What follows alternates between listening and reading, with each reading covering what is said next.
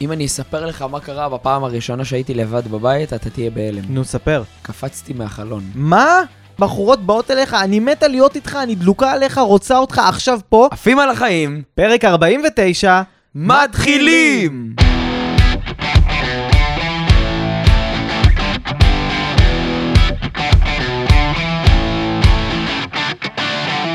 תודה שבחרתם לעוף על החיים עם יואב מאור ואליאור זכאים. מזל טוב למדינת ישראל שחוגגת 75 שנים. לא רואים עליה. לא, לא רואים. לא רואים שהיא קצת בת... מתים, קצת פיגועים. לא רואים שהיא בת אבל- 75. תכלס, היית- היית- היית יוצא איתה. הייתי יוצא היית איתה. לגמרי. כן, בשלה, איכותית. אז מזל טוב למדינה היקרה והאהובה שלנו. גם יושבת טוב. יושבת טוב, חמושה מקסימום, איזה כיף שאת מצטרפת אלינו לפרק הזה. איזה כיף שאנחנו חיים במדינת ישראל. באמת כיף. באמת וואו, כיף. איזה מדינה מדהימה. יש אנשים עכשיו שמלקטים אורז בשדות האורז, ואנחנו חיים במדינה שיש בה כל כך הרבה שפע. כל כך הרבה שפע. אז תודה רבה למדינה היקרה והמדהימה והאהובה שלנו. תודה רבה. יש לך ים, נכון? יש ים. יש ים, נופים ירוקים. יש יבשה, יש יבשה. יש יבשה. יש יש נופים, יש נופים. יש לנו שלג בחורף. יש אה, שירים יפים, מוזיקה יש שירים, טובה. יש לנו את אילת. אילת, חבל על הזמן אילת. יש לנו, מה עוד יש לנו? את ים המלח, יש לנו המקום הכי ים- נמוך בעולם. מדהים. יש לנו אותי, האיש הכי נמוך בעולם. יש לנו, יש לנו את, אה, יש לנו קניונים. יש לנו את פודקאסט עפים על החיים. פודקאסט טובים על החיים, פרק 49, ברוכים הבאים. פרק עצמאות, חברים, ברוכים הבאים לפרק פרק שכולו... העצמאים. פרק. שכולו פרק ספיישל מיוחד ליום העצמאות. שלום לך, אליאור. וואו, וואו, וואו. טוב, אז אני מתרגש. זה כאילו אני חוזר על עצמי כל פעם בכל פרק. כי זה מרגש, כל תמיד פעם כל. כל פרק מחדש הוא מרגש, אבל הפעם זה מרגש במיוחד. למה זה מרגש במיוחד הפרק הזה? למה? כי בפרק הזה אנחנו קודם כל נחשוף ברמה הכי פרקטית גם את מה שאני ואתה עוברים ונעבור, וגם ניתן לאנשים מפת דרך בחיים האישיים שלהם, ובסוף כולנו עצמאים בחיים האישיים שלנו. כל אחד הוא עצמאי בחיים האישיים שלו. אחד עצמאי על הילדים שלו, אחד עצמאי על, המ- על המצב הכלכלי שלו, אחד מצב, עצמאי על מצב הזוגיות שלו, אחד עצמאי על מצב הלבוש שלו, כל אחד עצמאי בחיים האישיים שלו. וזה היופי, שכולנו עצמאים, ואנחנו חוגגים עכשיו את עצמאות מדינת ישראל בשלווה, ואני מאחל לנו כמדינה, שבאמת נחיה כ- כעצמאים אחד לשני, ונחיה יותר באחווה ושלום. אמן, אין, אין דרך יותר טובה ואופטימית ככה לפתוח וואו. את הפרק. אז בפרק הזה אנחנו באמת ניתן לכם את הכלים הפרקטיים איך להיות עצמאים. בדיוק. איך להיות עצמאים בחיים שלכם ואיך להיות עצמאים בעבודה שלכם. אה, מי שמצטרפת, מצטרף אלינו פעם ראשונה, אולי לא מכירים, אבל מי שכבר איתנו יודעים שאליאור ואני, שנינו עצמאים הרבה מאוד שנים, עצמאים בקריירה שלנו, הקמנו עסקים, אה, לא אחד ולא שניים, לאורך החיים שלנו. אה, תראה ניסיון, לכם- מה שנקרא. כן, אנחנו, יש לנו ניסיון. אמנם לא, יש אנשים עם הרבה יותר ניסיון מאיתנו, כי בכל זאת אנחנו... כל תחום, אבל תמיד יש אנשים עם יותר ניסיון, כמו שיש, יש את האמרה הזאת, שתמיד יהיה אדם ישיר יותר ממך. תמיד, תמיד יהיה אדם עם יותר ניסיון מאיתנו, אבל כן הספקנו ללמוד משהו אה, כעצמאים בעולם הזה, אז אנחנו ניתן טיפים וכלים פרקטיים לאנשים שרוצים להיות עצמאים, אה, וגם אה, נספר לכם על אה, עצמאות מהזווית שאולי אתם לא שמעתם עליה ולא הכרתם אותה, אה, ואני מתרגש אה, להתחיל את הפרק. אנחנו חייבים לשתף שהפרק הזה הוא יהיה 100% כנות, כמו בכל פרק. אז גם אם תשמעו פה פרקים, אה, קטעים, סליחה, שקצת סותרים את מה שאתם שומעים אה, היום ברשתות החברתיות, ומה שצועקים היום ברשתות החברתיות, אז תבלעו את הרוק, קחו דף ועט, כי זה פרק, יש מעטים הפרקים שאנחנו אומרים קחו דף ועט, כי באמת, זה, אם, אם אמרנו את זה, אז בפרק הזה אתם באמת הולכים לקבל כלים ממש מעשיים שאנחנו נרצה שתיישמו ממחר, על מנת להפוך את השנה הזאת לשנה העצמאית שלכם, ושאנחנו נשב פה בשנה הבאה ונחגוג את פרק 250 שלנו. כן, אנחנו נספיק לפרק 250? אנחנו נשתדל אה, אנחנו לעשות נש- את זה צ'יק צ'אק. אנחנו נשתדל, ויהיה לנו את הקהילה הכי גדולה בזכותכם וביחד איתכם, אתם כבר תהיו במקום הרבה, אבל הרבה יותר טוב בחיים האישיים שלכם. אמן. אז אליאור, אני רוצה להתחיל בלהתקיל אותך. הופה, הופה, מה זה מבחינתך להיות עצמאי? באיזה תחום? כל תחום. מה אוקיי. עולה לך לראש אנחנו הלכנו על כשאתה שומע להיות. עצמאי? כן. אנחנו על פרק התקלות. כשאני שומע את המילה עצמאי, אני שומע את המילה חופשי. אוקיי. כשאני שומע את המילה עצמאי, אני גם שומע את המילה סבל. באותו מישור. אז לסבול ולהיות חופשי? בדיוק, בארצנו. לא סתם. אוקיי. תראה, בשביל החופש שלנו כאנש, כאנשים בעולם, אנחנו סובלים לא מעט. מה בסוף בן אדם רוצה בחיים? חופש. הוא רוצה את החופש. הוא רוצה את החופש לבחור מה לאכול, הוא רוצה את החופש לבחור עם מי לצאת, הוא רוצה את החופש לבחור מה לקנות ואיך להתלבש. כל אדם רוצה את החופש בחיים האישיים. החופש הזה מגיע אחרי הרבה מאוד סבל. עכשיו, הסבל הזה הוא, אין מה לעשות, זה הדרך. אתה יודע, בסוף, אה, על מנת לקבל פרס אתה צריך לעמול המון המון המון המון המון. מהמם. ימים, שבועות, חודשים, שנים. והעולם העצמאי היום הוא מצטייר כמשהו מאוד זוהר. אתה יודע, אני ואתה מעורים במה שקורה, יש לנו עסקים, אנחנו מעסיקים גם אנשים. וזה אחד העולמות הכי קשים שפגשתי בחיים האישיים שלי. אתה יודע, יש את רו- רובד הזוגיות, רובד הכלכלי, רובד ההשקעות, יש המון רבדים בחיים. ה- הרובד העצמאי הוא הרובד, אם לא הכי קשה שפגשתי אי פעם בחיים. אני חושב ש... ספציפית בקריירה העצמאית? קריירה, קריירה אוקיי. עצמאית. אני חושב שאדם שפותח עסק, הוא, הוא, הוא לא מבין אפילו לאיזה רמות הוא נכנס. אתה יודע, בסוף זה היום מאוד קל, הכל מצטייר היום מאוד קל, והכל רץ מהר, ואנחנו מעודדים גם אנשים לעשות את זה. אבל כשאני מסתכל על זה בזווית שונה היום, זה אחד הדברים הכי קשים. אנחנו בסיר לחץ ואנחנו מאוד תחרותיים.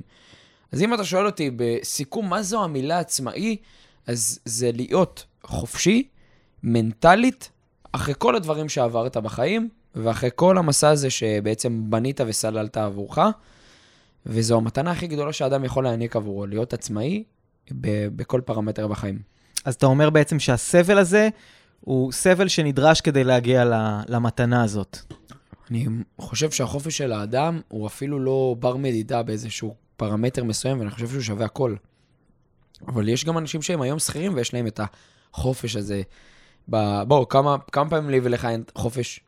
המון פעמים, ב- וואו, בהמון כן. דברים משתנים. עכשיו ספציפית זה יום עצמאות, אז יש כזה קצת הפוגה, אבל בדרך כלל זה, זה, אתה יודע, זה, להיות עצמאי, זה, זה לא באמת להיות עצמאי, זה להיות מודאג מדברים שאנשים אחרים לא מודאגים מהם. קיבלתי הודעה היום באינסטגרם מבחור מדהים, שנרשם לתהליך באזור, שילם באזור ה-55,000 שקלים. תהליך של חצי שנה שבו מלמדים אותו איך לפתוח עסק אוקיי. עצמאי. והוא הוא שולח לי הודעות, ואני שומע, אתה מכיר את זה שאתה שומע שהבן אדם עומד לבכות? מכיר את זה? את הדמעות שהוא בגו- חנוק כזה בקול שלו. בדיוק. אוקיי, מה הוא רצה? חנוק. והוא אומר לי, תקשיב, אה, אתה יועץ כלכלי, אתם מתעסקים בעולם הפיננסים ובעולם ההשקעות, ואתם עוזרים לזוגות, ליחידים וכולי וכולי. עכשיו הוא... אה, אני אוהב את אלה שמסבירים לי מה אני עושה. כאילו, אני לא יודע מה אני עושה. אז, אז אני אומר לו, אוקיי. אז הוא אומר לי, תקשיב, נתק, נתקלתי בקשיים, יש לי חריגות במסגרת אשראי, אה, קיבלתי, אני עכשיו כבר באוברדרפט, ונהייתי מסורב. מדובר על. חייל משוחרר, אחי. ילד בן 22. מהמם. יוצא יחידה קרבית, שבסך הכל ראה פרסומות באינסטגרם על משהו מאוד זוהר ונוצץ.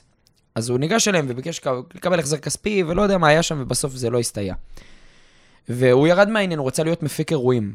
זה, מש, זה אמרו, אמרו לו, אתה תבוא לפה, תלמד איך אה, בעצם לפתוח עסק, איך למתג, איך לשווק, כל, ה, כל המסע שאני ואתה עוברים כבר שנים, ועדיין לא פיצחנו את, ה, את, ה, את הסודות, מה שנקרא. אה, ואין לו איך להתכלכל היום. ודיברתי איתו ועזרתי לו בכ- בכל מה שאני יכול על מנת קצת לכסות את כל הפיגועים האלה. וחשוב שכל המאזינים ששומעים את זה עכשיו, בין אם זה דוד, רומן, אפרת, יוסי, דינה, כל האנשים המדהימים האלה שבעצם חלק מהמשפחה של עפים על החיים, חשוב שתבינו שהעולם הזה הוא, הוא, הוא, הוא, הוא מדהים, אבל גם מנגד לזה הוא עולם לא מדהים, תלוי באיזה יום קמתם בבוקר. אני ויואב עוברים לונה פארק בחיים האלה, יש לנו ימים של עליות, אני אדבר בשמי, יש לנו ימים של עליות ויש ימים של ירידות וימים של up and down והתרסקויות נפש והתרוממות רוח ומחשבות, ואתה לוקח את הדבר הזה איתך הביתה, וזה באף שלב בזמן בחיים לא נגמר. אז חשוב שתבינו שגם מהפרק הזה, אם אתם תרצו להיות עצמאים, פה אתם תקבלו את כל האמת, וגם צאו לחשיבה אם זה משהו שבאמת בוער מתוככם, ולא כי ראיתם שאיזשהו משהו נוצץ מבחוץ. כי כשאני התחלתי לדוגמה את הביזנס שלי, באמת אמרתי שאני מוכן לעבוד בתור שכיר, ובמקביל לעשות את הדבר הזה בחינם.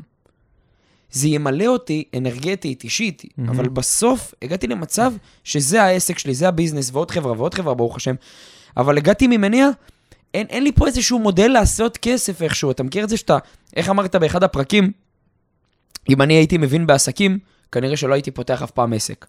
חד מדי משמעית. פעם התמימות הזאת היא הדבר הכי חכם שאפשר לקיים, שאפשר, שאפשר לעבוד איתו. אתה מבין, אני הייתי מוכן להיות איש מכירות סלזמן, ובמקביל, בימי שישי לקבל פגישות של זוגות, של יחידים, לעזור להם במצב הכלכלי, להראות להם עוד דרך בחיים האישיים שלהם, להוציא אותם מאיזשהו לופים, ופשוט ליהנות מזה. מהמם. ואז פתאום אנשים רוצים לשלם וזה, ו- וככה אתם יודעים שיש משהו שבאמת, הוא נמצא בבעירה אצלכם, שבא לכם לעשות אותו באופן שוטף, וגם אם יש לשם תמורה כלכלית, וגם אם לא יהיה שם תמורה כלכלית, אתם עדיין תהנו מהסיפוק ומהעשייה, כי היצירה והעשייה תמלא אתכם. אני לדוגמה היום, בעסק שלי, בוחר, מחפש כל הזמן להיות במקום האסטרטגי של היצירה. אתה יודע, התפעול, כל הדברים הנקודתיים האלה, הם, הם מרוקנים אותי. ממש מרוקנים אותי, אני מחפש כל הזמן להיות במקום של היצירה. מקום, איזה עוד כנס אני יכול לתת, איזה עוד וובינר אני יכול לעלות איתו, איזה עוד משהו, איזה עוד תוכן וערך אנחנו יכולים לתת. אתה בטח מכיר את זה, מעולם היצירה שאתה היום גם האחראי לכל כך הרבה אנשים ליצירה שלהם. בוודאי. זה הדבר ש, שהכי ממלא את האדם. עכשיו, היינו מוכנים לעשות את זה עד היום בחינם, תראה, הנה, הפודקאסט הזה. שימו לב, שקל אנחנו לא מקבלים עליו. זה היצירה. לגמרי. זה התמורה שלנו. וזהו, זה, זה, זה הנקודה, זה האנקדוטה העיקרית על מה זה להיות עצמאי ומה המחירים שצריך לשלם באופן כללי. לגמרי. לגמרי. תשאל אותי מה זה בשבילי להיות עצמאי. נו, נו, תשאל. יש לי שאלה אחרת. נו, נו, תשאל. סתם, סתם, אני אשאל אותך את השאלה. תשאל מה שאתה רוצה. מה זה בשבילך להיות עצמאי? איזה שאלה טובה, אתה חשבת כן, עליה? אני, כן, מדהים. כבר שבועיים. תראה, להיות עצמאי, אתה התחלת להגיד שזה... אה, איך מתאים לך להגיד להיות עצמאי זה חרא. קודם כל זה חרא, אבל להיות עצמאי, אתה התחלת להגיד משהו יפה, שזה אה, סבל גדול ביחד עם אושר גדול, וזה בדיוק זה. תחשוב, מתי אנחנו עצמאים בפעם הראשונה בחיים שלנו? כשאנחנו, אתה יודע, בתור ילדים אנחנו תמיד אצל ההורים, תמיד אנחנו נכון. בזרועות ההורים, או שאנחנו אצל הגן, או אנחנו אצל הצהרון, אנחנו אף פעם לא באמת עצמאים. ואז יש את היום הראשון הזה פתאום, שאנחנו חוזרים פעם ראשונה הביתה מבית ספר נגיד, נכון. וה- והבית ריק. נכון. פעם ראשונה שאתה קולט, וואו, אני לבד. ובהתחלה זה מפחיד. זה מפחיד כי אתה לבד. אתה לבד, ואין לך את אימא פתאום, ואין לך את הגננת לבכות לה, ואין לה- לך את אה, שולה מהצהרון. אתה לבד. מהמם. אתה צריך לחמם לעצמך אוכל. והרגע הזה זה הפעם הראשונה שאתה מרגיש עצמאי בחיים שלך. וזה הפחד שמלווה בתחושת גאווה גדולה. אני בטוח שאם תיזכר בפעם הראשונה שאתה היית בתור ילד לבד בבית, היה בזה פחד והיה בזה תחושה של, וואו, אני גדול. אם אני אספר לך מה קרה בפעם הראשונה שהייתי לבד בבית, אתה תהיה בהלם. נו, ספר. קפצתי מהחלון. מה? קפצתי מהחלון. אתה סתם אומר את זה בשביל לשים את זה בטיקטוק ולקבל צפיות על הסרטון אחי, הזה. אני היום חי בנס. אתה קפצת מהחלון? אני, וואי, אני לא יודע איך לא סיפרתי אתה את זה קפצת פה. מהחלון כי היה לך איזה כל כיף כך... זה ל- לשתף את המשפחה הגדולה הזאת. אתה, אתה קפצת מהחלון, שנייה, אני רוצה להבין. כן. כי היה לך כל כך מפחיד, או כי אמרת, וואו, אני גדול, אני יכול לעשות הכל, מעניין מה יקרה אם אני אקפוץ מהחלון. אז אני אגיד לך מה. זה היה מסקרנות או מדיכאון? אז אני אגיד לך מה. לפני שאימא שלי קיבלה את הנכות, היא הייתה דברית. אוקיי. וסניף הדואר היה די קרוב אלינו לבית, במרחק הליכה, ממש. כאילו, אתה יורד מהבניין, עובר כמה בלוקים, ומגיע לסניף הדואר. אימא שלי אמרה לי, תקשיב, אני מחממת לך צהריים, אני יורדת רגע להביא משהו מהסניף כי היא שכחה, והיא חוזרת, משהו לגיטימי. הייתי אז בן כמה? שמונה? כיתה ב', משהו מהמם. כזה, איזה, איזה גיל זה שמונה? כיתה ב', משהו כזה. כן. ואני, אני לתומים נכנסתי לחרדה, לא יודע, פשוט הייתי ממש בחרדה. פתחתי את התריסים, קומה ראשונה, על עמודים, לא כזה גבוה, אבל כן גבוה, כן מאוד מסוכן. אני חי היום בנס, אחי, אני קפצתי, אני פתחתי את, הד... פתחתי את התריסים, קפצתי למטה, נחתתי על הגב, שלוש סנטימטר ממני היה עמוד של ממטרה. כאילו אם אני שלוש סנטימטר שמאלה, כל, הממ... כל העמוד ממטרה נכנס לי בתוך הגב. וזה היה עמוד בערך כזה. תראה, קצת אה, מפחיד אותי עכשיו שאנחנו חי- עוש- עושים את הפודקאסט בקומה 34. חי בנס, אחי. וואו. זו, זה הנקודה שהבנתי שאני עצמאי בחיים. באותו רגע קמתי, והלכתי לאמא שלי. פתאום היא רואה אותי! עכשיו תחשוב, כל הבית נעול, היא נעלה את הדלתות, שאף אחד לא ידפוק, ייכנס, טה טה טה. תחשוב איזה סריטה היא אוכלת. מה זה, מה אתה עושה פה? פחד אלוהים, מה אתה עושה פה? פחד אלוהים. אז אמרתי לה, הנה, ככה התחיל הפרק, אני אומר לך. אני בגיל, אני בגיל שמונה קפצתי מהחלון. אז אתה מבין, כל אחד יש לו כנראה את הזיכרון המאוד כל מאוד... אחד יש לו את הזיכרון העצמאי שלו, שם הפכתי המאוד להיות מאוד עצמאי. ספציפי מהרגע שבו בול. הפכת להיות עצמאי, ויש כאלה שמבחינתם זו הייתה גאווה זה גדולה. הביא מלא צפיות בטיקטוק. לגמרי. יש כאלה שקפצו מהחלון, כמו עבדכם הנאמן אה, ליאור. אה, אבל כמו שאתם מבינים, זה תמיד מלווה באיזשהו, באיזשהו סיפוק גדול, לצד איזשהו אה, פחד גדול, איזושהי טראומה. Mm-hmm. אה, יש את הפעם הנוספת כמובן, שזה כשהולכים לצבא, ויש את הפעם ההיא שיוצאים מהבית של ההורים. נכון? אני זוכר, היום הראשון שיצאתי בו מהבית של ההורים שלי, זה היה מצד אחד, וואו, איזה כיף, אני עצמאי, יש לי את הממלכה שלי, יש לי את הדירה שלי, אני חי לבד. מצד שני, וואו, איך אני הולך לשלם עכשיו חשמל, מים, ארנונה, איך, איך אני הולך לכלכל את כל הדבר הזה? והעניין הוא שתמיד לאורך כל החיים שלנו, עצמאות מלווה בסבל, בייסורים, בפחד, לצד הרבה, הרבה סיפוק, הרבה גאווה, הרבה ריגושים, ו- ובסופו של דבר יש תמורה לאגרה. זה מתגמל. אז היום, כעצמאי בעסקים, אני, יש לי את התמורה לזה. אני קודם כל אה, נכנס למקום שהוא השם שלי. אנשים יודעים, המשרד של יואב. אנשים רואים את הסמל שלנו על קמפיינים ויודעים, בואנה, זה יואב והצוות שלו. Mm-hmm. זה מאוד מתגמל. אה, זה גם מתגמל כלכלית. אתה יודע, זה שאני יכול עכשיו אה, אה, לממן פודקאסט שלא עושה לי שקל הכנסה, אבל ליהנות מכל רגע, כי יש לי את היכולת הכלכלית לעשות את הדבר הזה, זה בזכות זה שאני עצמאי, ובזכות זה שיש לי הישגים כעצמאי. מצד שני, הדאגות שלי בחיים הן הרבה הרבה הרבה יותר גדולות. הן פי כמה יותר מכל אחד מהאנשים שעובדים בחברה שלי, וכנראה פי כמה יותר מכל אחד מהשכירים שמקשיבים כרגע לפודקאסט הזה. ובאמת, אם הייתי יודע שאלו יהיו הולכות להיות הדאגות שלי כשפתחתי את העסק שלי, אני לא בטוח שהייתי הולך על הדבר הזה. באמת הייתה שם איזה מין תמימות כזאתי.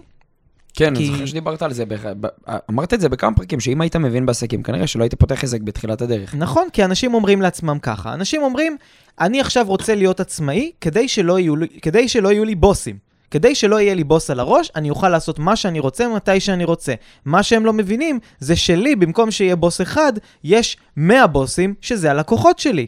יש 100 איש שיכולים להתקשר אליי עכשיו, להגיד, אה, אה, לא אהבתי את הקמפיין האחרון, לא אהבתי את המייל האחרון שהעובדים שלך שלחו, אה, אה, למה לא מרגישים אותך בזמן האחרון? אני אה, סגרתי כי אני רציתי אותך, אה, והביאו לי עכשיו פתאום איזה מישהו אחר, ש... עזוב שיש לי עובדים יותר מוכשרים ממני, כן? בסוף בן אדם, לפעמים שהוא מכיר אותך, הוא סוגר כי הוא רוצה אותך ספציפית.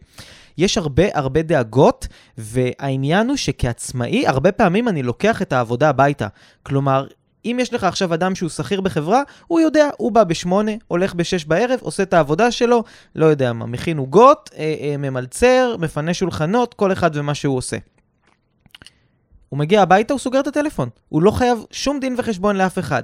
כשאתה עצמאי, זה הולך איתך לפעמים, לפעמים אני מתעורר בלילה מסיוטים על שיחה שהייתה לי עם לקוח לפני שנתיים, ולמה הוא אמר לי משהו ולא עניתי לו משהו אחר. עוד שאלה.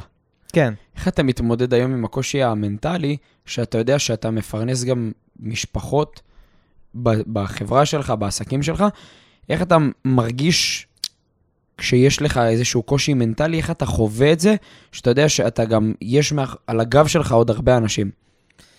אז קודם כל זאת גאווה אדירה.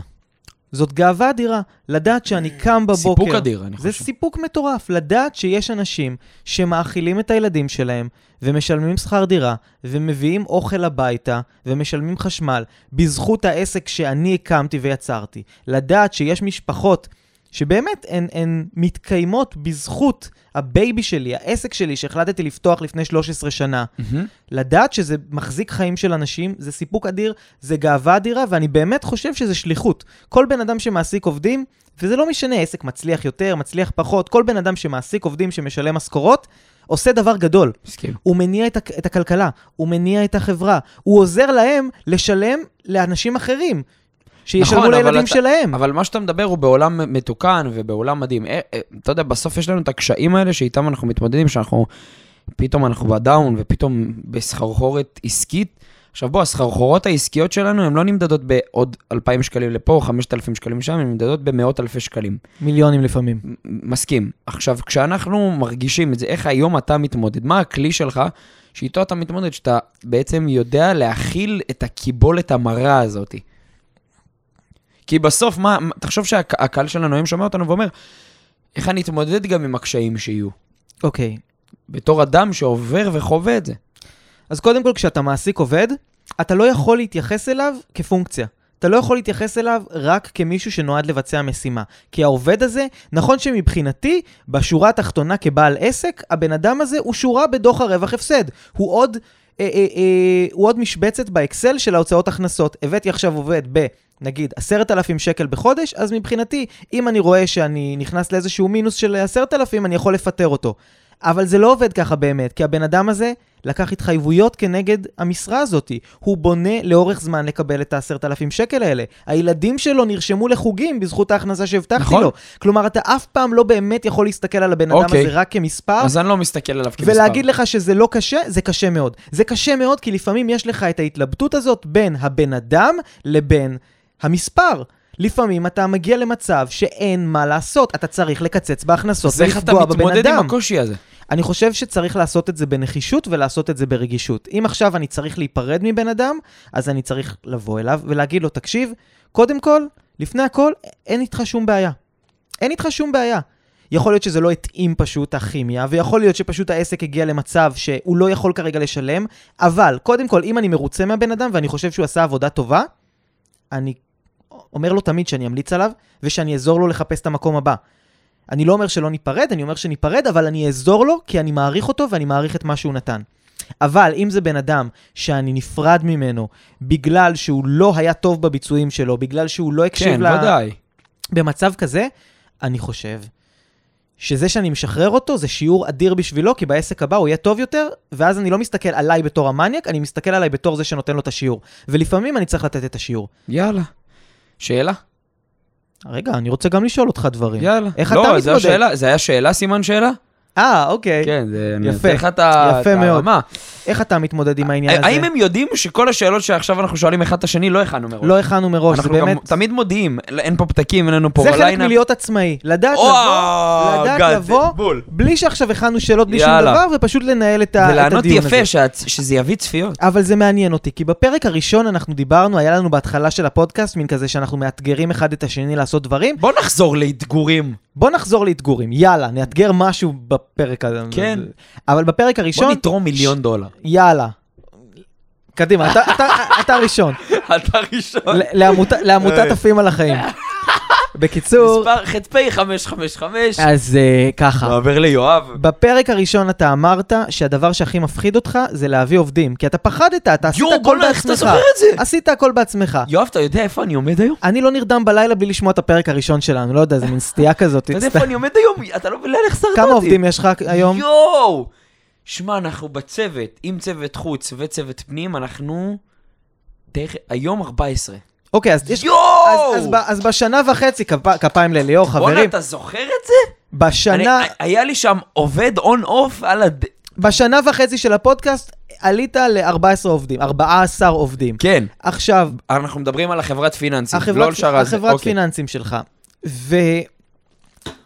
ואיפה עשית את הקפיצה הזאת שפתאום זה לא מפחיד אותך? מה קרה שם שהדבר שהכי הפחיד אותך בפרק הראשון של הפודקאסט, פתאום, פתאום אתה מסתכל ואומר, כן, יאללה, עוד עובד, בכיף, פחות עובד, יותר עובד. כלומר, זה הפך להיות משהו שהוא טבעי עבורך, שאתה, שאני צריך להזכיר לך שהוא בכלל הפחיד אותך. בואנה, אני... אה, קודם כל, אתה החזרת אותי 49 פרקים אחורה. 48 פרקים אחורה. תחשוב מה יהיה בפרק 1000 שנסתכל על פרק אה, יואו, 50. בואנה, אתם מבינים איזה התפתחות אנחנו עוברים ביחד איתכם? מטורף.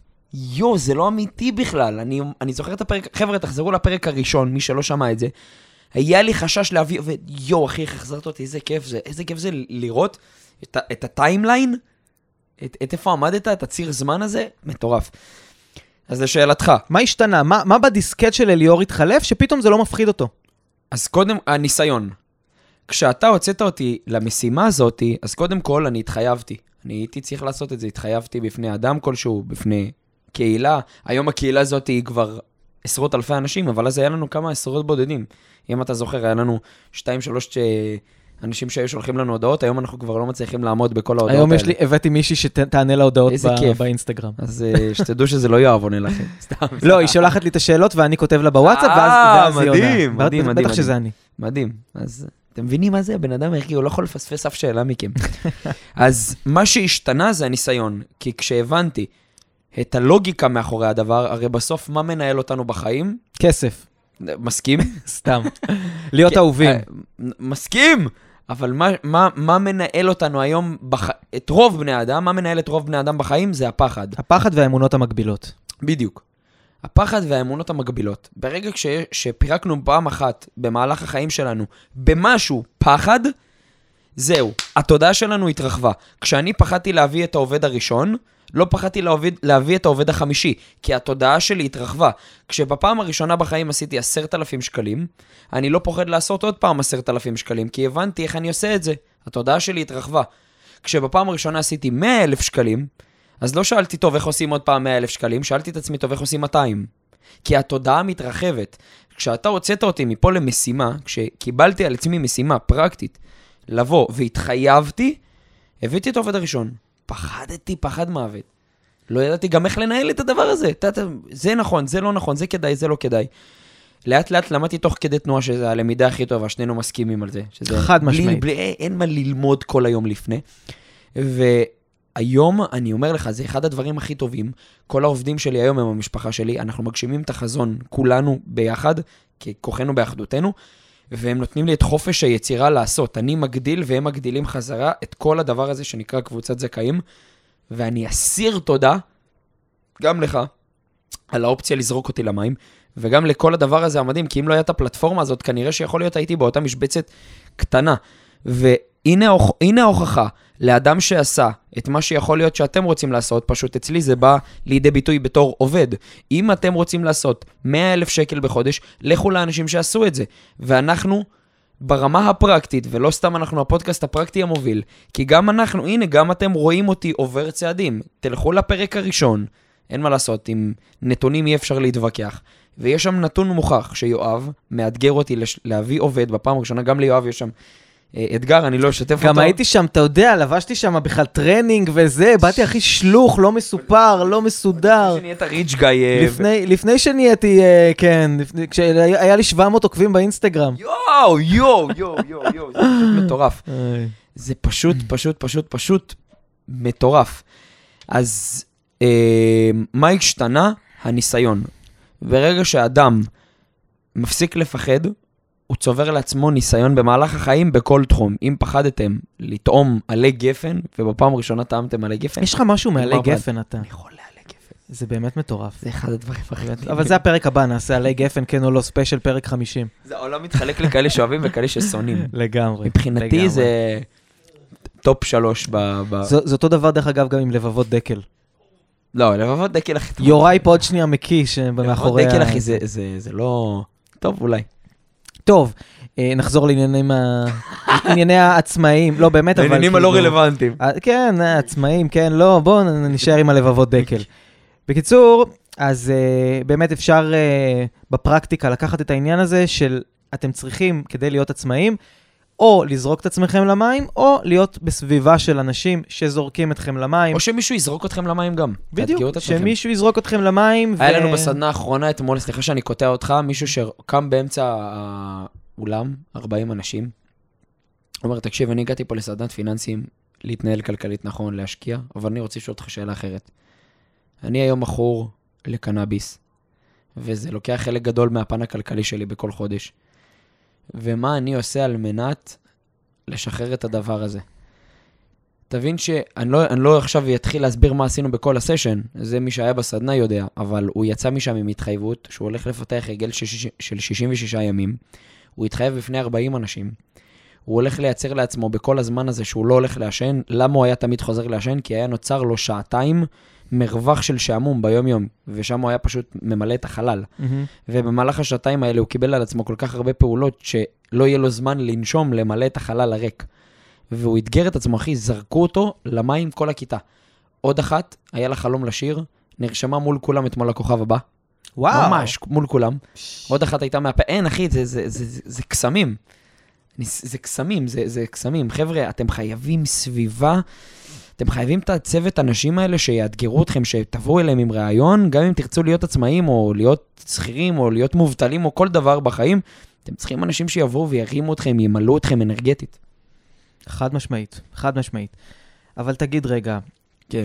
האם להיות שכיר זה באמת כזה גרוע? לא. האם באמת, כאילו, כולם אומרים כל הזמן, אתה נכנס היום לרשתות החברתיות, וכל מה שאתה רואה זה תהיו עצמאים, תהיו עצמאים, תהיו עצמאים, ואנחנו עצמאים. לבוא ולהגיד שלהיות עצמאים זה לא, זה לא כיף, זה לא יהיה אותנטי, כי אנחנו עצמאים ואנחנו אוהבים את זה.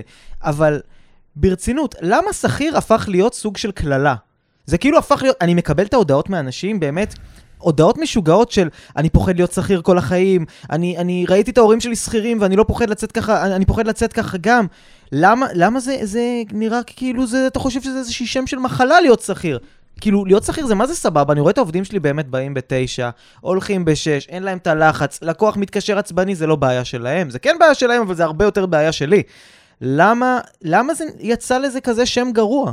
מה השאלה בשורה התחתונה? למה, למה אנשים, למה זה הפך להיות קללה? מה, שכיר? שכיר. קודם כל זה מוכר. זה דבר ראשון. זה מוכר. זה מוכר מה? קורסים זה של מוכר, אה, זה מוכר. קורסים באיך להיות עצמאי. זה מוכר בסופו של דבר. הדבר השני הוא, זה שאנשים לא מבינים את המשמעות בכלל. להיות עצמאי זה קללה. זה קללה, להיות עצמאי זה קללה, לא משנה באיזה שלב אתם בחיים. אם אתם בשלב המתפעל, היזם, האמן, ב- בכל שלב, אם אתם המ- ה- ה- ה- עושים הכל בעסק, כל זמן שאתם עצמאים, יהיה לכם מאתגר, ויהיה לכם לא פשוט. כל עצמאי ששומע את זה עכשיו מבין את מה שאני אומר. כן, הם מהנהנים. נכון, בדיוק. אם אתם לא מתכוונים לפתוח עסק על מנת לעשות מיליונים, ברמת מיליונים, באמת, ברמה של להתעשר מזה, באמת, רדו מהרעיון. רדו מהרעיון. אם פתחתם עסק ואתם לא מעוניינים להפיץ את השליחות שלכם לכמה שיותר אנשים, הקושי שלכם להתכלכל מזה בצורה הטובה ביותר יהיה מאוד מאוד מאתגר. כי כל החברים נכנסים לתמונה, מע"מ, מיסים, ביטוח לאומי, רשויות, מיליון ואחד. כולם רוצים נתח. בדיוק. במה כולם, שיש וגם במה שאין. בדיוק. כולם נהיים חברים שלכם, כל המוסדות הפיננסיים הנחמדים. אם אתם לא פותחים עסק מתוך תשוקה, אלא בגלל שאתם רצים לכסף, תבדקו עם עצמכם בציציות האם אתם עושים את הדבר החכם והנכון, כי הדאגות והחרדות והקשיים והתסכולים שאתם תעברו במהלך כל התקופה הזאתי, הם, הם על סף באמת הלא פיירים. זה, זה, זה לא פייר. אני, אני חושב שאני ואתה מכורים ברמת העיקרון לשליחות שלנו. זו הסיבה היחידה שאנחנו מחזיקים יום וליל. אנחנו מכורים לשליחות שלנו. אין סיבה שבאמת נפעל ונעשה את מה שאנחנו עושים היום. זה התמכרות לשליחות מסוימת, שאתה יודע שאתה יכול להפיץ אותה בעולם. אף בן אדם רציונלי לא עושה את מה שאנחנו עושים. אף בן אדם רציונלי לא עושה פודקאסט ונותן כל כך הרבה ערך עוד ועוד ועוד. אף בן אדם רציונלי לא מעלה תכנים באופן שוטף כל הזמן. אף בן אדם רציונלי לא עושה עוד דברים ועוד דברים ונותן עוד ונותן ערך ומנהל עוד עסקים. אף בן אדם רציונלי לא עושה את זה. אתה חייב להיות לא שפוי, באמת, על סף הלא שפוי, על מנת להצליח בעסקים. אני- לא שפוי. אני גם רוצה לשתף אותך, וזה דבר חשוב בהמשך למה שאתה אומר, כולם בטוחים, אני, אני רואה את ההודעות שאנשים שולחים לי, אני רוצה לפתוח עסק ולעשות כסף, מה אתה ממליץ? העניין הוא שכשאני פתחתי את העסק שלי, עד שהוא התחיל לא להיות במינוס בכלל, לקח משהו בין 5 ל-7 שנים. אז בן אדם ששואל אותי את זה, אני תמיד שואל אותו, האם אתה מוכן ל-5, 7, 10 שנים של דאגות, של לבקר אצל הרואה חשבון ולראות אותו עושה פרצוף חמוץ ואומר לך לרדת מזה כי זה לא רווחי? האם אתה מוכן... אחי, ל- כמה זמן אני ואתה לא לקחנו משכורות בתחילת הדרך שלנו? אני אומר לך, זה... לא ידעתי מה זה משכורת. לא היה לי מושג, כאילו, הייתי מרוויח 5,000 שקל. כאילו, זה, זה באמת, והעניין הוא שכשאתה עצמאי יש את הדיסוננס. כי בגלל שאתה עצמאי, ואנשים מהצד לא יודעים מה זה להיות עצמאי, כולם בטוחים שעצמאי סלאש בעל עסק אומר, אני יושב על ארגזים של כסף. ותחשוב עכשיו שאני בתור עצמאי אה, בימיו הראשונים כעצמאי, פוגש בחורה לדייט, והיא מצפה, היא אומרת, אוקיי, יש פה בעל עסק. אני אבוא, אני אבוא לאיזה פנטהאוז, ככה עם כן. גרייגוס, ואיזה מכונית כן. גג פתוח וזה, אוסף אותה במאזדה 2 ליחידת דיור מסריחה בנתניה, ואני רואה וואו. את הפרצוף המאוכזב בשנים הראשונות, אני רואה את האכזבה. אנשים, כשהם שומעים בעל עסק, הם בטוחים, הבן אדם יושב, מופגז. אנשים לא מבינים שבעל עסק בשנים הראשונות, זה רוב הפעמים להפסיד. רוב העסקים לא שורדים את השנה הראשונה, לא בגלל שהם מפסידים כסף, אלא בגלל שבעל העסק, הרי מי זה העסק בסוף? זה בן אדם. בעל העסק, הבן אדם מאחורי העסק, פתח את העסק בציפייה לשבת על ארגזים, ל- ל- לשבת כמו איזה די.ג'יי קאלד ולשרוף שטרות ב- עם, כן. עם, ה- עם הסיגר אחי, שלו. אנחנו גם לא מפסידים, אתה יודע, אנחנו לא מפסידים כסף, אנחנו מפסידים את הזמן, את את המחשבות. את הזמן, את האנרגיה. הזמן איכות עם אנשים קרובים אלינו. בחורות באות אליך, אומר לך, סליחה באמת על הצרפתית שלי, בחורות באות אליך, אני מתה להיות איתך, אני דלוקה עליך, רוצה אותך עכשיו פה, אבל הראש שלך בכלל באיזו עסקה שלא נסגרה, ומה אמרת לא נכון ללקוח בול. בפגישה הזאת, כדי, כדי, כדי שהוא יסגור. והיא מסתכלת עליך והיא כזה, מה, למה אתה לא איתי? מה, אני לא יפה מספיק? אני לא זה... אני ממש זוכר את הילדות שלי בתור ילד שפתח עסק, את התמימות הזאת של חשבתי שהחיים יהיו מושלמים, והחיים יהיו יותר חרא מכל מה שיכולתי לדמיין. באמת, השנים הראשונות שלי כעצמאי, העברתי אותם בלהיכנס כל יום בסוף היום לאי-ביי, להסתכל על שעונים שעולים 5,000 שקל, לא 50, 5,000 שקל, ולשאול את עצמי, מי האנשים שיכולים להרשות לעצמם לשלם 5,000 שקל בשביל לקרוא מה השעה. כמה שנים אחרי זה כבר היו לי שעונים שעלו 70,000 שקל. וואו. אבל הסיבה שהגעתי לשם זה כי למדתי ליהנות מהתהליך וליהנות מכאבי הגדילה, וזה משהו שמעט מאוד אנשים באמת מוכנים אליו ומסוגלים אליו. רוב האנשים, עדיף להם באמת שלא יהיו עצמאים. רוב האנשים עדיף להם שיהנו מהחיים שלהם, שיעשו זוגיות בריאה, ש- שיעשו משפחה בריאה, שיחיו חיים בריאים. כמות מערכות היחסים שנהרסו לי, כמות הריבים עם המשפחה, כמות החופשות שההורים שלי הזמינו את האחים שלי לחופשה כן, משפחתית. ולא, ולא נוכחת. לא יכולתי לבוא כי הייתה לי פגישה. כמות הזיכרונות שלא חוויתי היא אינסופית. מה קיבלתי מזה? מה הרווחתי מזה? את הסיפוק שאני מפרנס היום משפחות, Mm-hmm. ואת זה שיש לי היום uh, סכום כסף יותר גדול משל האנשים בחיי בצד, אבל הוא לא הגיע סתם ככה, לא נולדתי לאיזה פריבילגיה. הוא תוצאה של כאבי גדילה פסיכיים. האם אתם רוצים את הכאבים האלה? שכל אחד ישאל את עצמו, יש כאלה שכן, יש כאלה שלא, טוב. וזה זה לא שלכל בן אדם אה, אה, אה, נועד להיות אה, עצמאי. לא. באמת, זה, זה, זה בסדר גמור. זה בסדר גמור. יש את האמרה הזאת, אם אתה רוצה להיות עשיר, תפתח עסק, תהיה עצמאי. 80% מהעשירים בארצות הברית הם שכירים.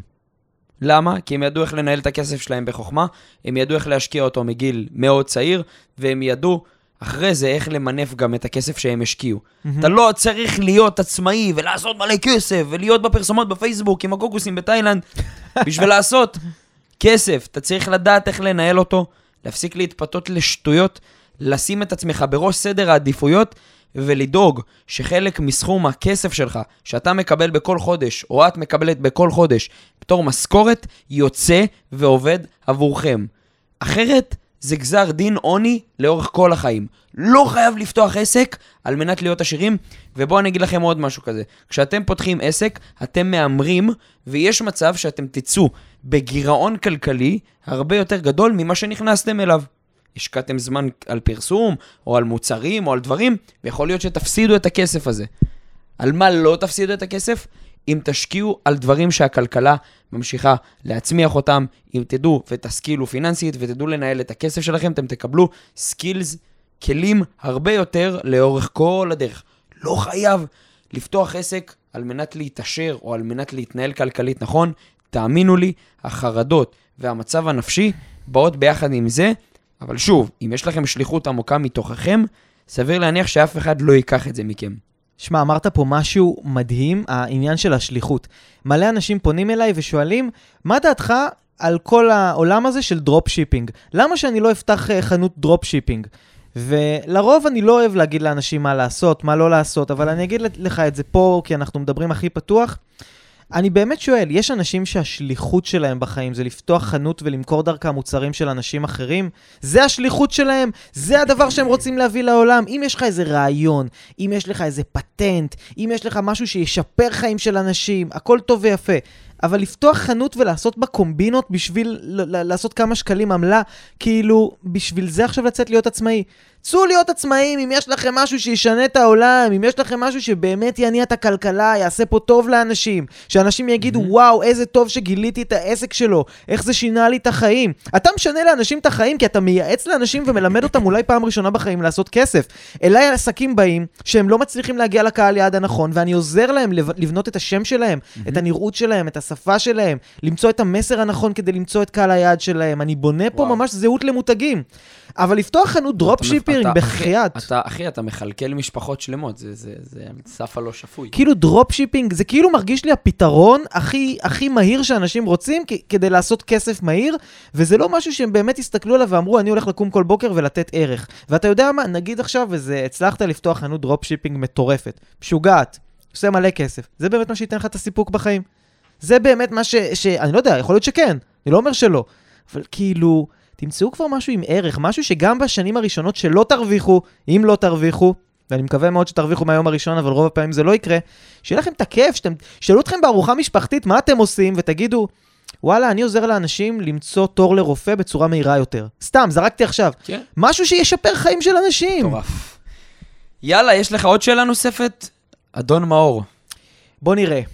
בוא נראה, איזה כיף שאני מראיין אותך פתאום אני- כזה, אני לומד... אה, אנחנו לומדים אחד מהשנייה. אם היית עכשיו חוזר ליום כן. שבו החלטת להיות עצמאי, מה הכלים שהיית נותן לאליאור הצעיר? חוץ מפחית של ספרייט עם אפקט הלימון. חייב שלוק רגע. אם הייתי חוזר ליום שבו פתחתי את העסק, איזה כלים הייתי נותן לעצמי? או מה היית אומר לעצמך?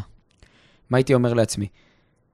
שאל תתמקד בתוצאה, תתמקד בדרך. אני בתחילת הדרך שלי חיפשתי כל הזמן תוצאות ולא חיפשתי דרך. אחת הטעויות הקריטיות שבעלי עסקים עושים, ואנשים שיוצאים לדרכים עצמאיות עושים.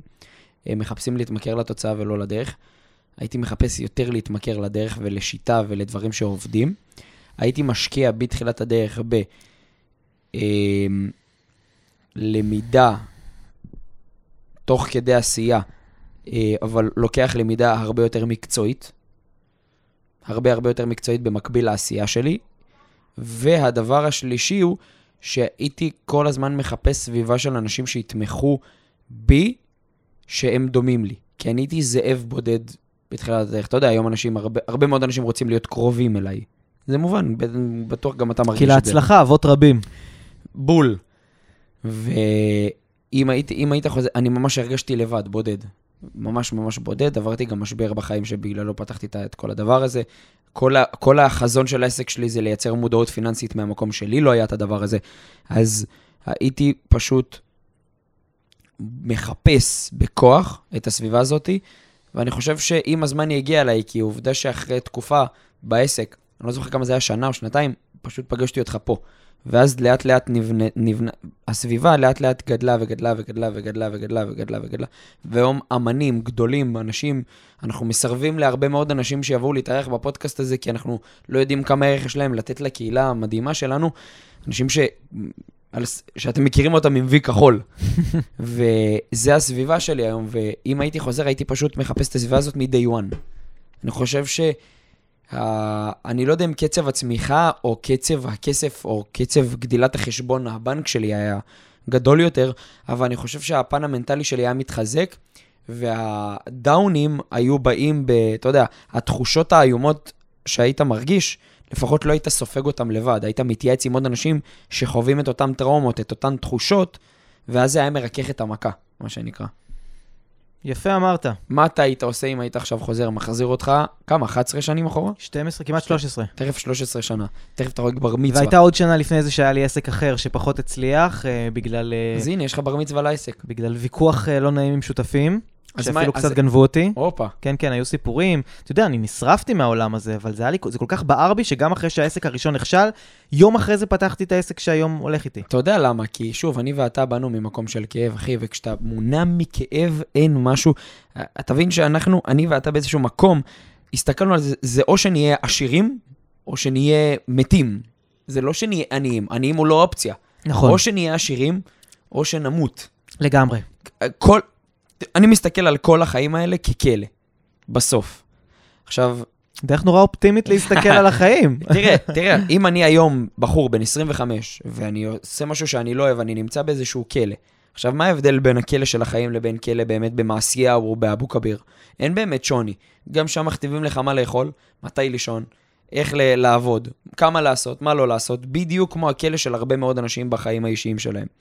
מתי אתה יוצא מהכלא? כשהגעת ממקום שהניע אותך או מניע אותך מכאב, ואתה מוכן לעשות הכל, גם אם זה להביא דיסק ולהלחים את כל שיירת הברזלים ולצאת מהכלא הזה, גם אם זה בכוח. יש כאלה יקראו לזה הכלא, יש כאלה יקראו לזה המטריקס, כל אחד יקרא לזה, אתה יודע, בצורה שבה הוא רוצה. אבל כשאני ואתה באנו ממקום, ואנחנו עד היום באים ממקום, תחשוב, הבוקר טוב שלנו, זה איך אני עוזר לאנשים להיות במקום שאני לא רציתי. גם אתה היום עושה את זה פשוט לשליחות ברמה אחרת, והנה היום ברשתות החברתיות זה עובד. וזה קורה, וזה מתעצם, וזה גדל, כל הדבר הזה שאנחנו עושים, כי יש פה שליחות מאוד עמוקה. כל מי שיפתח עסק אחרי הפודקאסט הזה, שיבדוק ויבין מה התכלית ומה החזון שלו, ובסוף הפרק אני אתן לפחות כמה שאלות אה, על מנת לגלות את הדבר הזה. מדהים. אז בחזרה ל, ל, ליום שבו פתחתי כן. את החברה, אני חושב שהדבר, ש, הייתי, אומר, הייתי אומר ליואב של פעם, אם הייתי חוזר ליום שבו פתחתי את העסק, הייתי אומר לעצמי שני דברים. הדבר הראשון הוא, תירגע, תנשום, אתה תצליח ואתה תצליח בענק. כי להצליח זו לא תוצאה, להצליח זה אופי. אם באופי שלך אתה מצליח, אתה תמצא כל פרצה כדי להצליח. אתה תראה כל חלון כדי להיכנס בו, ואם סוגרים לך אותו, אתה תיכנס מהארובה. זה פשוט איזשהו drive שאין דרך לכבות אותו. אם יש לך את זה, אם באת מכזה כאב שאתה חייב להצליח, אתה תצליח. זה, זה, זה לא, זה פשוט עניין של זמן. זה פשוט עניין של כמה זמן זה ייקח, וזה לקח כמה שנים, אבל עכשיו אני רק מתחיל לראות את הפירות של זה בחיים שלי. והייתי צריך לעבור כל סבל, וכל קורונה, וכל פיטורים, וכל פגישה לא מוצלחת, וכל עובד שגנב, וכל לקוח שפיטר, וכל דבר שהייתי צריך לעבור כדי להגיע לדבר הזה, וכל קושי הוא עוד פרק בסיפור שנקרא ההצלחה. הדבר השני הוא שהצלחה אף פעם היא לא יעד. כלומר, אין את הרגע הזה שבו אני עוצר הכל ואומר, הצלחתי, כן. אני עובר לדבר הבא. הצלחה זה תהליך, הצלחה זה לנשום. אתה נושם, אתה מוציא אוויר. אתה נושם, אתה מוציא אוויר. יש ימים שהם טובים יותר, יש ימים שהם פחות טובים. יש ימים שאתה מכניס ומקבל פנימה, ויש ימים שאתה נושם החוצה ו- ו- ואין לך אוויר בריאות. כלומר, להבין שהעצמאות היא מעל הכל העצמאות מהצורך בתוצאה. העצמאות מה, מהרגע הזה שבו אני אעצור ואני אגיד לעצמי, אה, יאללה, כולם תראו אותי, הגעתי לפסגה. זה הר בלי פסגה, כן. זה סיפור שאין לו סוף, וגם כשאתה מת, כנראה אנשים אחרים ממשיכים לכתוב אותו אחריך. לגמרי. אז אם יש פה אנשים שרוצים לפתוח עסק כי הם רוצים לקבל מחיאות כפיים, כי הם רוצים את הרגע הזה שהם יקומו ויגידו, עשיתי את זה, הם רוצים את ההנפקה, הם רוצים את האקזיט, הם רוצים כל אחד מהדברים הנוצצים שאנחנו חושבים עליהם כשאנחנו מקימים עסק, תשתחררו מזה. כי אני מכרתי כמה פעמים עסקים, ולמחרת אני קם בבוקר ואני אומר, מה עכשיו? מה עכשיו? אני, אני, וואו. אני לא מאושר כמו שחשבתי שאני אהיה, אבל מה שעשה אותי מאושר זה למשל לקום, להקליט את הפודקאסט הזה. דברים שהם בכלל לא, לא כאלה יקרים. דברים שאתה לא צריך לעשות אקזיטים לגמרי. בשבילם. זה הידיעה שאתה נותן ערך, ובדרך לפה עצר אותי מישהו בקיוסק. עוצר אותי מישהו בקיוסק ואומר, תשמע, אני בעל עסק פה, אני בערך בגילך, והתוכן שלך נותן לי כוח. התוכן של הפודקאסט שלכם נותן לי כוח להתמיד ולקום ולנפץ תקרות זכוכית, ככה הוא אמר במילים האלה, לנפץ תקרות זכוכית. ואז אמרתי, וואלה, הוא לא אמר לי את זה בגלל שיש לי עסק מצליח. הוא לא אמר לי את זה בגלל שיש לי כסף בבנק, הוא אמר לי את זה כי נתתי לו. נתת לו משהו, נתת לו ערך. וזה מה שאני בא להגיד לכם. אתם יכולים להצליח, אתם יכולים להיות עצמאים, אתם יכולים לפתוח עסקים מוצלחים. בסוף, האושר נמצא בנתינה. אני חושב שזה זה הזמן המושלם לשמוע את השאלה ששלחו לנו. יאללה, שאלה מהבית. אני... הפעם שאלה אנונימית, נכון? הפעם הוא לא שאלה נתן את השם אנונימית, שלו. נכון. טוב, אז בואו נשמע את השאלה שקיבלנו השבוע מהבית, ונראה איך אנחנו יכולים לתת ולהעניק לעוד ל- בן אדם. באהבה, באהבה, באהבה ענקית. באהבה עצמאית. היי, קודם כל פודקאסט מטורף, מלא פרקטיקה. אני כרגע עובד כשכיר במרכז שירות לרכב ופוחד להישאר שכיר לכל החיים. מה עושים? הוא עובד כשכיר במרכז שירות לרכב, ופוחד להישאר שכיר כל החיים. עכשיו אני רוצה לשמוע את התשובה שלך. קודם כל, קניתי עכשיו אוטו חדש, ואני אשמח לטפל אצלך ברכב שלי. הופה! קודם כל, אז הנה מזל כבר- טוב ליואב, תשבור רגל. כבר את הלקוח הראשון, הרווחת. מרכז שירות לרכב, למה לא? תמיד צריך. הנה, אבל תעשה מחיר, כן? תראו מה זה, תראו איזה יופי זה שבן אדם שואל שאלה, פתאום מקבל תשובה עם הזדמנות. עכשיו, הוא אמר שהוא פוחד להיות שכיר כל החיים. אוקיי, אני, אני, אני, אתחיל, אני אתחיל ב... אתה זוכר, היה פה את הפרק אה, שם דיברנו על שיטת ואז מה. כן. שכשיש לנו איזשהו תרחיש גרוע בראש, אנחנו שואלים את עצמנו, ואז מה? מה? ואז אנחנו מבינים שזה לא באמת כזה גרוע כמו שזה בראש שלנו. אז תשאל את עצמך רגע, אה, אוקיי, אני אהיה שכיר כל החיים, ואז מה? מה יקרה? מה הדבר הכי גרוע שיכול לקרות אם חלילה תהיה שכיר כל החיים? תגיע הביתה בשעות מסודרות, הילדה שלך תדע מתי היא רואה אותך, מתי אבא מגיע הביתה, אשתך תוכל לדעת שאתה חוזר הביתה בשעות נורמליות, וכשאתה מגיע הביתה אתה יכול להקשיב לה ולא להיות טרוד בדברים של עבודה. כלומר, אני אוהב להגיד על זה, או שתזכה או שתרוויח. מהמם. אם, אם תהיה שכיר כל החיים, תרוויח שקט נפשי. אם לא תהיה שכיר, תזכה בחלום שלך כנראה להיות עצמאי. כלומר, איך שאתה לא מסתכל על זה, אתה תמיד מרוויח, ובמקום להתבאס ממה אין לך, אני תמיד מציע לך להסתכל על מה יש לך. כי יכול להיות שהחיים יזמנו לך להיות שכיר, נכון. וזה יהיה סבבה. ויכול להיות שתרצה להקים עסק וזו תהיה הצלחה ענקית, ויכול להיות שאתה תהיה עצמאי וזו תהיה מפלה גדולה ותחזור להיות שכיר בבושת פנים. ואז מה? תבין שלהיות שכיר זה ממש סבבה. יש אצלי במשרד אנשים שהיו להם עסקים עצמאיים, הם הבינו שזה חרא של חיים, ובאו לעבוד אצלי בכיף שלהם, והם נהנים. מסכים לגמרי. אני חושב שגם באיזשהו מקום שיש, יכול להיות שאני טועה, אבל גם מה שאני שומע לפי הקול שלו, זה שיש בו איזשהו מין, אה, אם אני לא אהיה עצמאי, אז יהיו לי חיים נוראיים. יכול להיות שהמקום שבו אתה נמצא בתור שכיר לא ממלא אותך, לא ממלא אותך אנרגטית, לא ממלא אותך אישית, לא ממלא אותך פיננסית, לא ממלא אותך עסקית, לא ממלא אותך. אתה לא מרגיש שאתה מתפתח שם, ואז נוצר לך איזשהו חלל ריק. אז מה עושים? מחפשים עבודה בתור שכיר שכן תמלא אותך, ואז אתה תקבל גם את הקושפנקה הזאת, את, את החותמת הזאת, על מנת להבין, האם מה שאתה רוצה לעשות בחיים הוא באמת מדויק עבורך, או שכרגע מה שאת, הנקודה שבה אתה נמצא בחיים, היא לא מספקת אותך, וברגע שהיא לא מספקת אותך, אז אתה נמצא במצב של תסכול מאוד עמוק. חפש מקומות שבהם אתה בתור שכיר תקבל added value, תקבל ערך מוסף, ותראה האם אתה מתמלא. אם לא, תתחיל לחשוב בדיוק כמו שיואב אמר, לפי שיטת ואז מה, מה מעניין אותך ואיך אתה מתחיל לעשות את זה במקביל למה שאתה עושה היום, שיהיה המון בהצלחה. ותזכרו תזכרו ותזכור שעצמאות מתחילה קודם כל ביכולת שלנו לקחת שליטה על החיים שלנו. לא להיות תלויים בתוצאות שלנו, לא לחשוב שאם מישהו אמר לנו משהו, אז זה צריך לחרב לנו את כל החיים. לא לחשוב שאם לא הצלחנו במשהו, סימן שאנחנו כישלון. זה עצמאות. להיות עצמאי או שכיר בעבודה, זה נחמד, זה סוגים שונים של לייפסטייל, אפשר לנסות גם את זה וגם את זה, אבל בסוף העצמאות אמיתית מתחילה פה, והיא ממש לא קשורה האם אנחנו מקבלים תלוש משכורת, או שאנחנו מוציאים חשבוניות. בדיוק.